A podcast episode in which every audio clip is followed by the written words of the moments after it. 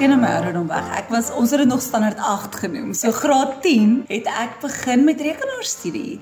En ek ek kan nog onthou, ons het in Turbo Pascal was die eerste taal wat ek geleer het. En die heel eerste ding wat jy moes doen, jy het so pyltjie gehad en dan moet jy met kode vir hom skryf om te beweeg. Want dis hierdie nuwe taal wat jy leer wat jy kan basies met tegnologie praat en vir tegnologie sê wat om te doen. Enigiets waaraan jy kan dink, kan jy met kode skryf en dit laat gebeur met tegnologie. Dit het my gefassineer al van 'n jong ouderdom af.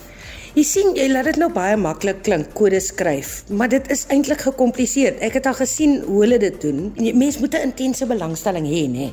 Mense brein werk op verskillende maniere. Hmm. So Ek het nog altyd van wiskunde ook gehou, net as 'n voorbeeld. Maar as jy eintlik dan dink, dis om probleme op te los. Ja. En daar's sekere reëls daarby. So wiskunde werk dieselfde.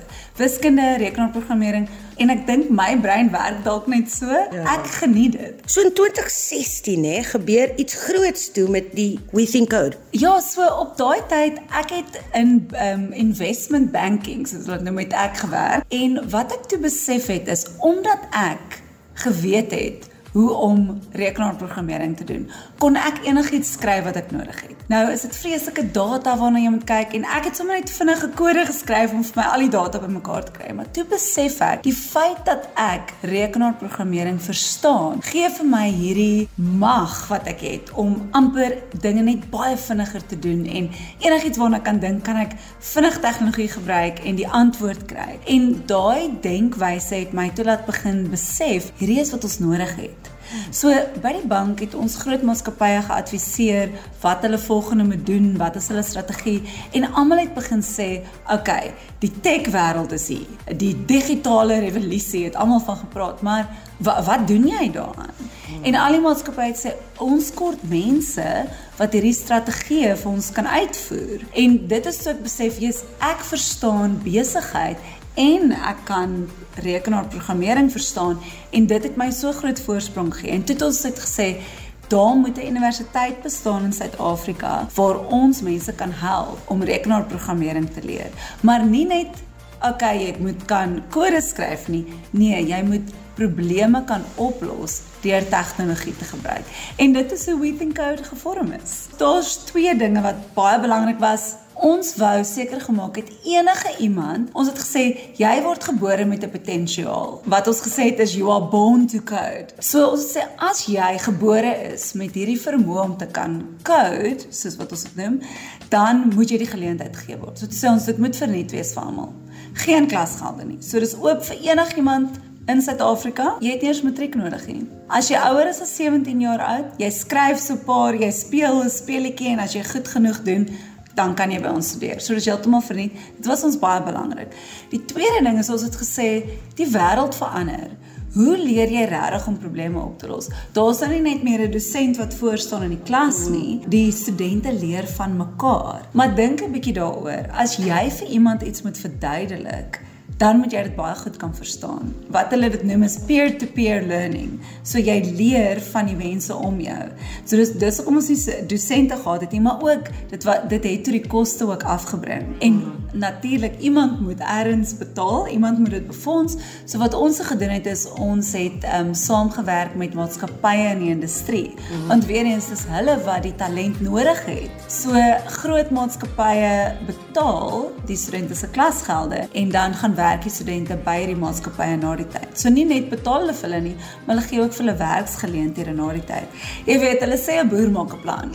So ons het baie uitdagings in hierdie land, maar weet jy wat? Dit maak van ons nogal spesiale mense. Ons vind nuwe oplossings en ons gaan aan. Ons sit nie terug in sak en as en sê Oké, okay, iemand anders moet hierdie probleem vir my oplos nie. Ons mense hier hou daarvan om probleme op te los. Ek dink daai is nogals 'n spesiale iets wat ons hier in Suid-Afrika het. Nou as jy daai probleemoplossing denkwyse kan vat en jy kan net vir mense ook toegang gee om die nodige vaardighede te leer in tegnologie om te kan gebruik om die probleme op te los, dan is ons een van die beste plekke in die wêreld en dink net aan al die geleenthede wat ons kan ontgin as ons net vir mense die geleentheid gee om nuwe vaardighede te leer. Maar toe wen jy ook 'n toekenning en dit gaan verder. Tydens die pandemie het nog dinge gebeur. En toe 3 jaar gelede gebeur daai wolf waarvan jy ons nou gaan vertel. Maar sê gou vir my, is jy iemand wat nie nee vir antwoord vat nie?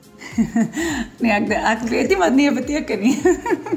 nee, baie keer moet jy weet waarvoor om nee te sê, maar Ek hou nogals daarvan as mense vir my sê ek kan nie iets doen nie. Mm. Jy weet, mens word maar in sekere bokse gesit in jou lewe as jy vrou is en Ek het in Pretoria groot geword, so baie Afrikaans en tradisioneel en dan dink jy maar daar's sekere bokse waarin jy moet pas en as jy nou 'n vrou is of jy lyk so dan kan jy nou nie slim ook wees en Jesus, maar dit is vir my lekker as iemand vir my sê jy kan nie iets doen nie, dan wil ek hulle verkeerd bewys.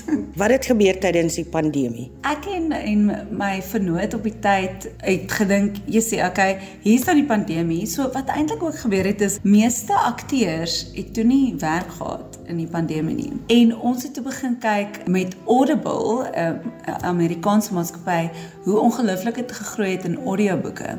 Maar as jy mooi gaan kyk het, daar was geen Afrika skrywers op hierdie Audible nie. Geen Afrikaanse boeke nie, geen Zulu boeke nie. Ehm um, so het ons gesê, "Wag, kom ons begin Afrika se eerste digitale audioboek platform." Hmm. En in die pandemie, kan jy glo, begin ons toe audioboeke opneem. Eers het ons by mense se huise begin en ons het meer as 500 boeke opgeneem oor die laaste 4 jaar. Ehm um, daar is 'n toepassing of 'n app Ehm um, dis beskikbaar op beide Apple en Google. Ehm um, wat jy kan aflaai, die naam is net Bib.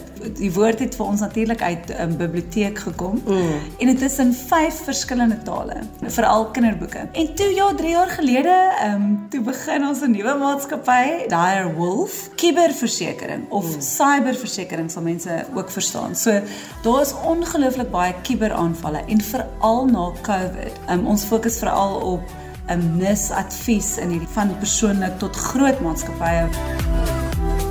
Is jou huis so slim? My huis is al so, maar ek wil dit nog slimmer maak. Elke dag sê ek, wat kan ons nog by doen? So ek weet nie of jy vir Alexa ken nie. Al gehoor?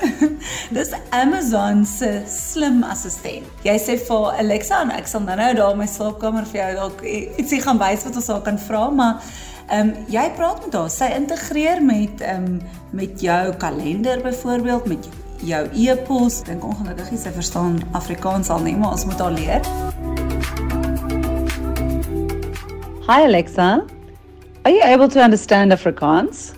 I don't know how to speak Afrikaans yet. To know the languages I can speak, go to the settings menu in the Alexa app and select device settings. Then select your device and navigate to language. Hi Alexa, what is the weather like today? Currently, in Paarl it's 7 degrees Celsius with cloudy skies. Tonight, you can expect clouds with a low of 6 degrees. Alexa, who is the most famous person from South Africa? From nomadsunveiled.com. Nelson Mandela is a world renowned icon and one of the most famous people from South Africa.